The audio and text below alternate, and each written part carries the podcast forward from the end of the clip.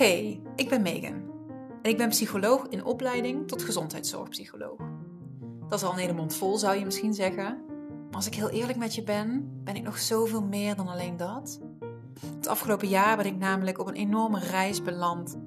Vol persoonlijke groei, spiritualiteit, zelfliefde, de whole shebang. En dat is soms best ingewikkeld met al dat evidence-based gedoe in de GGZ. In deze podcast neem ik je daarom mee op mijn pad. Het pad terug van denken en doen naar voelen en weten. Van perfectionistische controlfreak zijn naar misschien toch wel die intuïtieve powervrouw. Want weet je, ik wil niet meer binnen de lijntjes kleuren. Ik wil dansen met mijn ziel. Hallo, hallo. Welkom terug bij een nieuwe podcast. Oh, guys. Ah. Tijd even om een updateje te geven aan jullie. Ik uh, heb een vorige huisupdate gegeven. Twee weken terug of zo. en uh, we zijn er bijna. We zijn er echt bijna. Oké, um, hoe het verder is gegaan.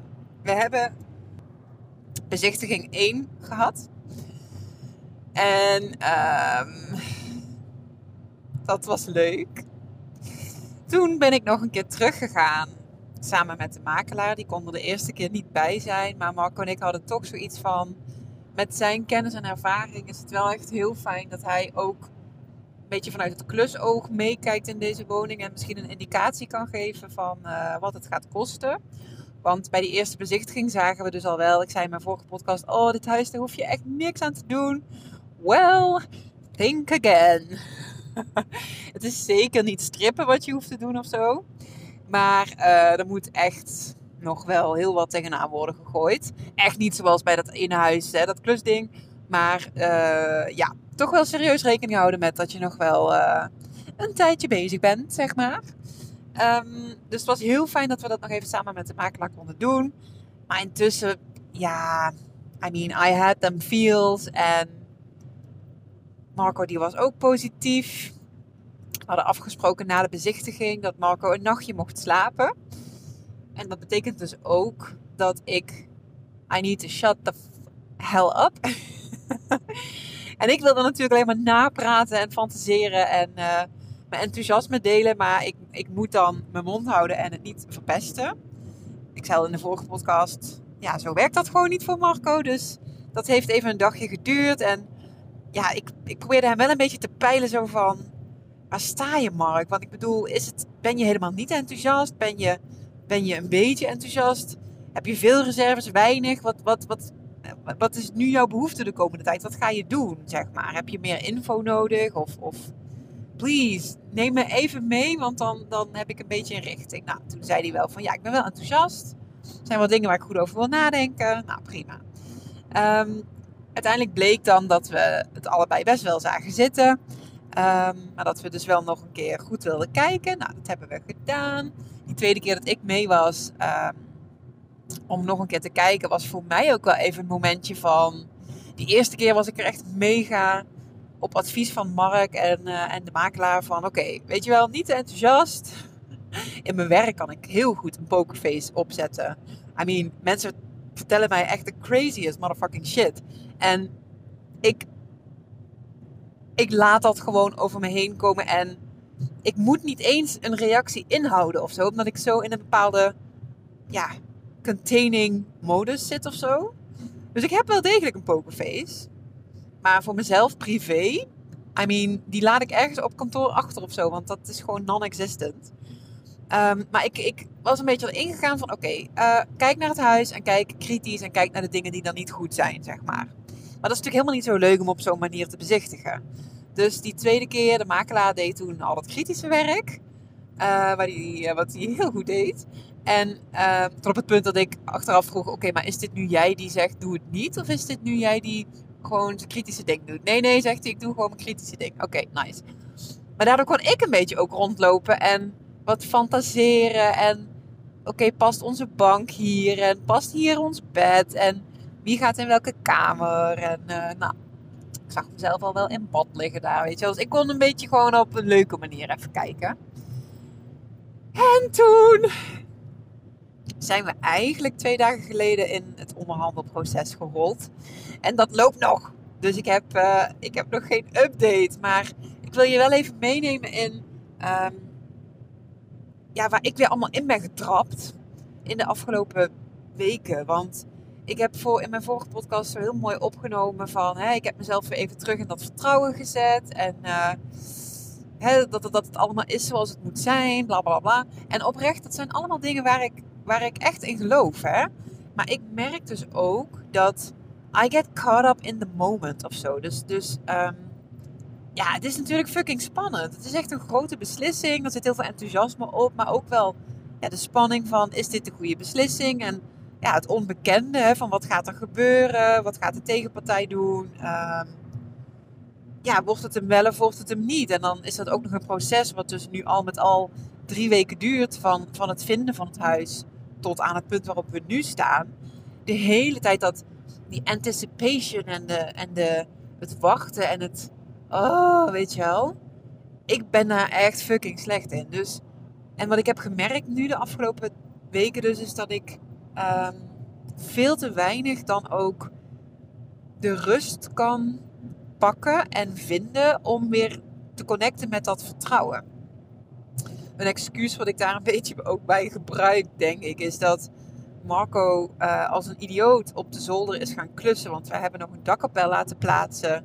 Uh, met het idee van, goh, we blijven hier nog wel even wonen. Dat was echt ons, dat dachten we zeg maar een jaar terug of zo, waren we daar echt nog wel van overtuigd. Dus we hebben best wel wat geïnvesteerd ook in ons huis. Mega dakkapel laten plaatsen en, en toen dachten we, nou dan gaan we even sparen, weet je wel, dat aftimmeren en zo, dat komt nog wel. Maar ja, nu is er dus een hele reële kans dat ons huis in de verkoop moet op korte termijn. En de twee makelaars die bij ons een rondje door het huis hebben gelopen, ja, die zeiden allebei van, het gaat wel echt schelen als je dit even voor het oog wat netjes kan maken. Nou ja, en even voor het oog, dat betekent dus dat er iets moest met een knieschot. Dat je helemaal gipsplaten moest gaan zetten tegen zo'n schuine dakkapel en zo. Ja, ik bedoel, Marco en ik, wij zijn echt geen klussers. Marco die kan zeg maar wel een vloertje leggen en een, muurtje doen. En um, hij kan wel wat, maar hij, heeft hier, hij moest hier helemaal induiken van hoe ga ik dit doen. Hij is super goed bezig overigens, dus yay, appreciation voor Marco. Ehm, maar de zolder is dus een teringzooi. Ik kan daar nu niet zitten zoals ik lekker ochtends om kwart voor zes daar zit, zeg maar. Hè, met mijn ochtendritueeltje en mijn kaartjes en even journalen en zo. Dat doe ik dus nu al twee weken niet. Um, kijk, en het, is, het slaat natuurlijk in die zin nergens op. Ik, ik kan zeggen, oké, ik haal mijn spulletjes naar de slaapkamer. Of ik ga toch even naar beneden of zo. Maar ik kan er gewoon de rust niet voor vinden, joh. Ik... Uh, ja, ik, ik zit een beetje op die high van die excitement van... Misschien hebben we ons huis wel gevonden. En wat ik dan meteen dus ook merk is dat ik het echt heel moeilijk vind om in dat vertrouwen te blijven. En om mezelf te kalmeren, weet je wel. En om, om ook nu in het dagelijks leven dan te denken... Nou, weet je, als dit moet zijn, dan wordt het hem wel. En... Nee, ik zit veel meer in de stand de hele tijd. En dan krijg ik weer, zie, we weer, zie ik een berichtje weer oppoppen van de makelaar of een gemiste oproep of zo. En dan gewoon vlinders in mijn buik. Nee, dan is het vertrouwen wel echt ver te zoeken. En ja, weet je, I'm only human, denk ik dan ook maar weer. En natuurlijk is het spannend en dat mag ook. Hè. Ik zou echt al wat beter voor mezelf kunnen zorgen daarin. Ik slaap ook echt al dagen slecht. Ik merk dan, zodra ik wakker word, omdat ik naar de wc moet of omdat de kinderen geluid maken of zo. Dan is ting, dat brein aan en dan uh, kan ik niet meer verder slapen. Ja, het gaat helemaal nergens over dit. Dus ik snap het wel en het is ook, ja, nou ja, het is wat het is en uh, mag ook, maar ik vind het wel fucking annoying eigenlijk. Ik denk, ik weet het allemaal zo goed en in die, in die hele podcast, hè, dan, dan lukt het me ook echt wel om daarmee te reconnecten.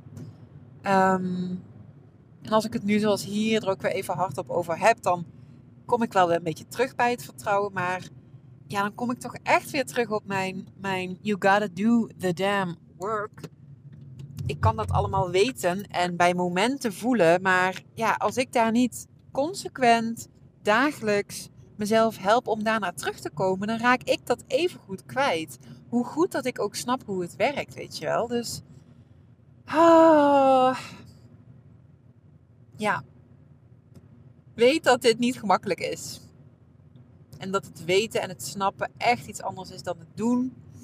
Um, I mean, I'm not beating myself up about it. Ik probeer te denken van... Uh, ja, het is ook niet gek, hè. We, het is echt wel een grote, grote decision. Oh, het zit toch op de Engelse tour, joh. Ik hoor mezelf de hele tijd half Engels praten. Um, het is natuurlijk ook niet niks, hè. We gaan echt onze wortels in Rosmalen uit de grond trekken. Niet alleen van onszelf, maar ook voor de kinderen.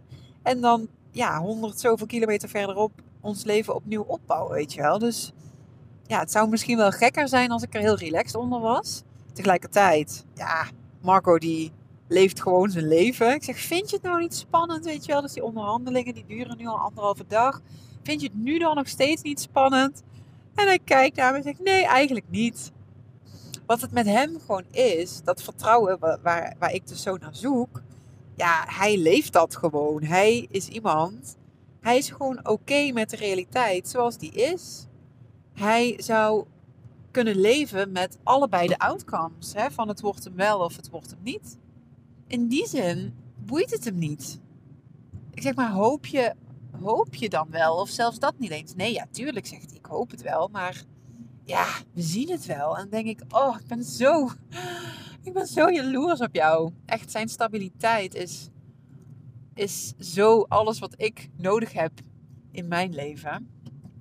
En uh, nou goed, mijn vuur en mijn enthousiasme ja, dat is natuurlijk ook complementair aan hem. Dus we zijn in die zin een hele goede match. Ehm, en daarin staan we soms ook zo ver van elkaar af. Dat ik denk, hoe, hoe kan dit zo werken voor jou?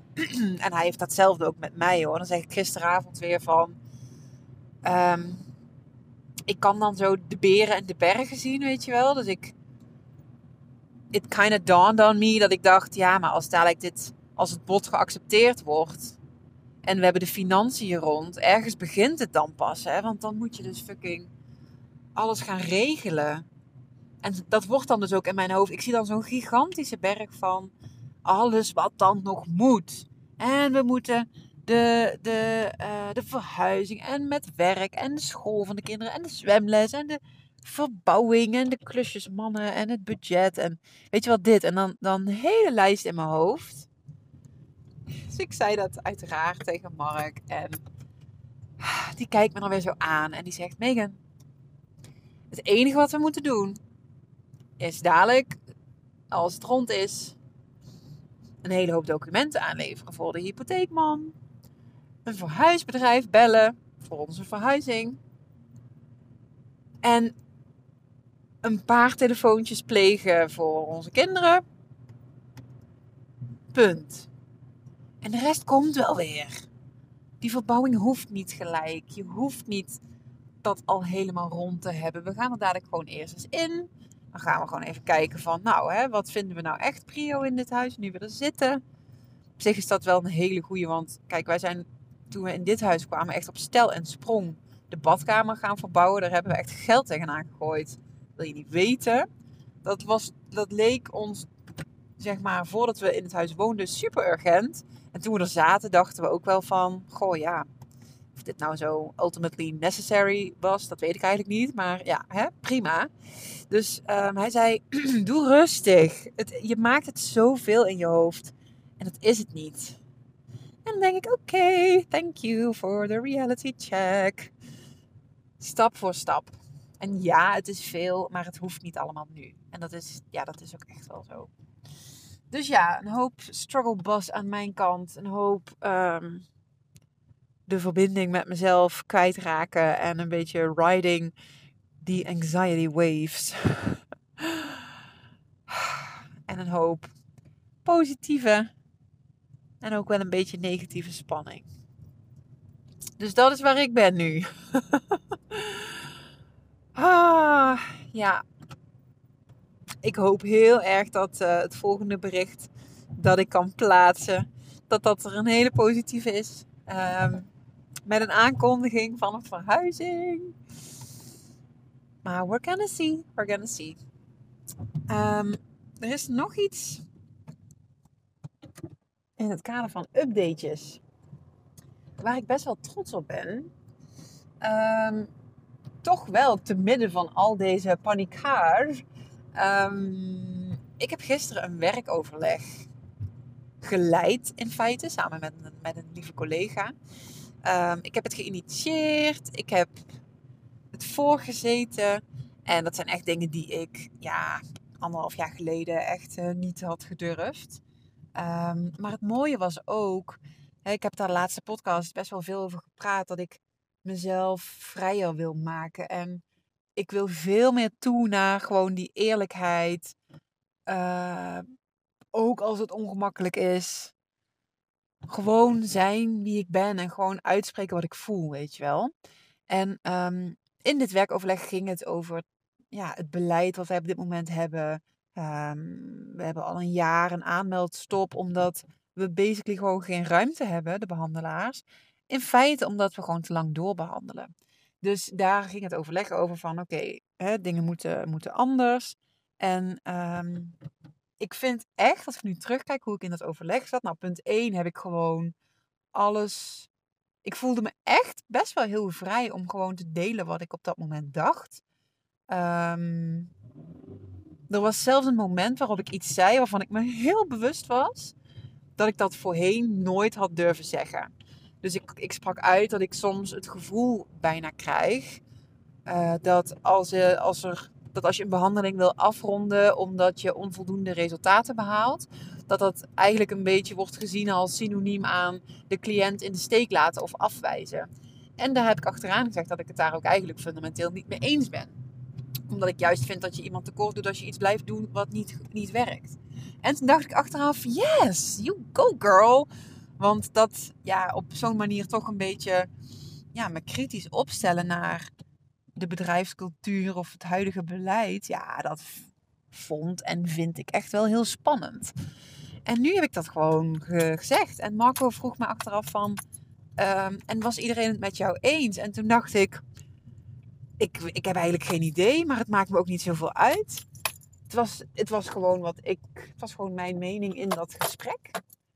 Dus ja, en dat is precies waar ik gewoon naartoe wil, man ik dacht, yes, het was echt een mooie stap, echt een ontwikkeling. En ik vind dat ik daar best wel even wat credits voor verdien. Dus die wilde ik ook even met je delen.